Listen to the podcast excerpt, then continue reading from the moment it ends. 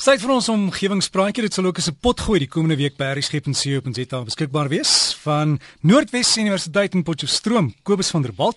Maar op die oomblik kuier jy in Hartenbos Kobus. Ja Derek goeiemôre. Goeiemôre al ons omgewingsvriende. Ek en my gesin is nou al so darme amper 'n week hier op Hartenbos en dis te heerlik. Ehm um, die weer is nie so pragtig nie maar mens vat as maar soos jy hom kry. Jy weet jy kan nou niks daaraan doen nie Maar ja, Derek, ek wil vanoggend te midde van al die duisende huldeblyke aan oud-president Nelson Mandela ook graag iets oor hom sê, maar dan vanuit 'n omgewingsperspektief. En veral twee opmerkings wat Madiba gemaak het, het my opgeval. Eerstens, toe hy na sy vrylating die eerste keer weer by Kunu kom waar hy sy kinderjare deurgebring het en waar hy ook dan nou toeriste geleë gaan word, het hy gesê elke klippie, elke grasbietjie en elke insekgeluid is deel van sy siel. In die tweede plek het hy by 'n saamtrek op Trafalgar Square in Londen in 2005 vir die mense gesê: "Soms is dit vir 'n generasie nodig om groot te wees. Julle kan daardie generasie wees." Nou as mens vra wat dit is wat 'n mens groot maak of watter eienskappe 'n generasie vertoon om as 'n grootse generasie beskryf te word, dan is dit die eienskap uh mens kan dit seker opsom uh as met 'n woord wat algemeen in omgewingsbestuur gebruik word en daardie woord is volhoubaarheid. Daarmee word bedoel volhoubaarheid in die breedste sin van die woord. In ander woorde, omgewingsvolhoubaarheid, ekonomiese volhoubaarheid, kulturele volhoubaarheid, morele volhoubaarheid en ook etiese volhoubaarheid. Die vraag is of die meeste wêreldleiers van ons tyd werklik besef presies wat dit beteken om ware en inspirerende leiers te wees en hoe groot die uitdagings is wat voor hulle lê as hulle as volhoubare leiers onthou wil word. Die wêreld is in 'n finansiële en sosiale dilemma met 'n miljoen nuwe babas wat elke 4 dae bykom op aarde. Hulpbronne wat opraak, klimaatsverandering, toenemende besoedeling van lug, water en grondhulpbronne, grootskaalse spesieuitsterwing en biodiversiteitsverlies en toenemende sosiale onrus. Na mate die skare mense wat met min hulpbronne moet klaarkom, al hoe meer ontevrede raak met die paar mense wat oorvloediglik baie het veral as die ryk mense hulle welvaart op onregmatige wyse bekom het. Nou die grootste huidige probleem op aarde is sekerlik die ongelyke toegang tot hulpbronne wat daar tussen verskillende bevolkings, verskillende lande en verskillende streke van die wêreld bestaan. En die volgende is 'n bekende vergelyking. Ek het dit al vroeër genoem op die omgewingspraatjie, maar ek gaan dit tog vanmôre weer aanhaal. As mens die hele aarde sou kon krimp tot 'n klein dorpie met net 100 mense, sou 15 van die 100 mense in ons dorpie nie kon lees nie. En net een enkele mens sal 'n universiteitsgraad hê. Net 6 mense wat almal in Amerika bly, sal 60% van ons dorpie se rykdom hê. En die ander 94 mense sal tevrede moet wees met die 40% wat oorbly. Die armste 20 mense sal maar net 2% van ons dorp se rykdom hê om mee te probeer oorleef.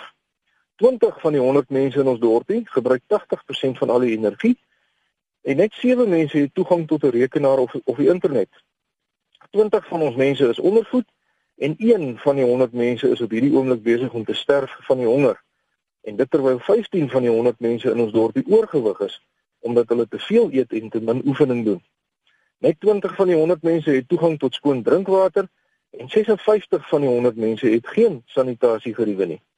Oor 20 jaar gaan ons dorpie se inwonertal vermeerder van 100 na 150 mense. Maar ons gaan nie meer hulpbronne, voedsel of water hê vir al die ekstra mense nie. Ja, die redes vir hierdie ongelykhede is natuurlik baie uiteenlopend en kompleks.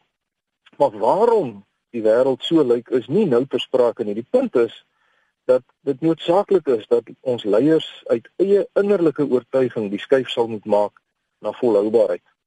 Die definisie van volhoubaarheid is eenvoudig. Dit is bloot om in jou eie behoeftes te voorsien op so 'n wyse dat jy nie die vermoë van jou kinders en kleinkinders om eendag aan hulle behoeftes te kan voorsien ondermyn nie.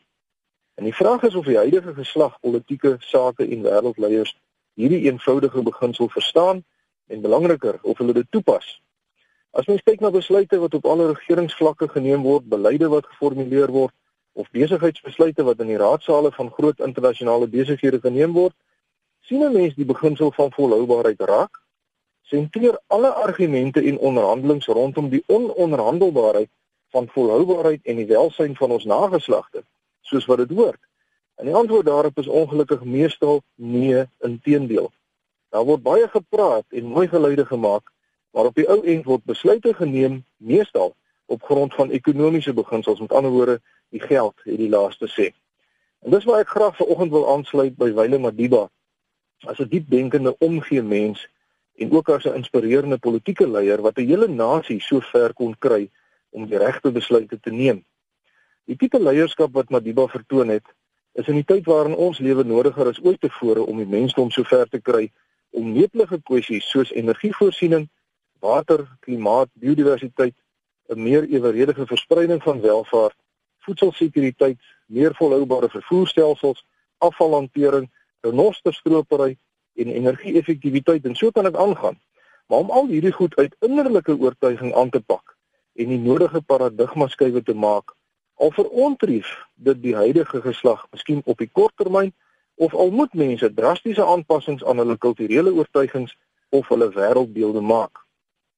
Die drie aspekte van volhoubaarheid, naamlik eh, menslike welstand, ekonomiese welvaart en 'n gesonde natuur wat ons almal kan aan die lewe hou, moet op 'n gebalanseerde wyse en met eweveel gewig in alle besluite in ag geneem word as ons wil vorder op die weg na volhoubaarheid.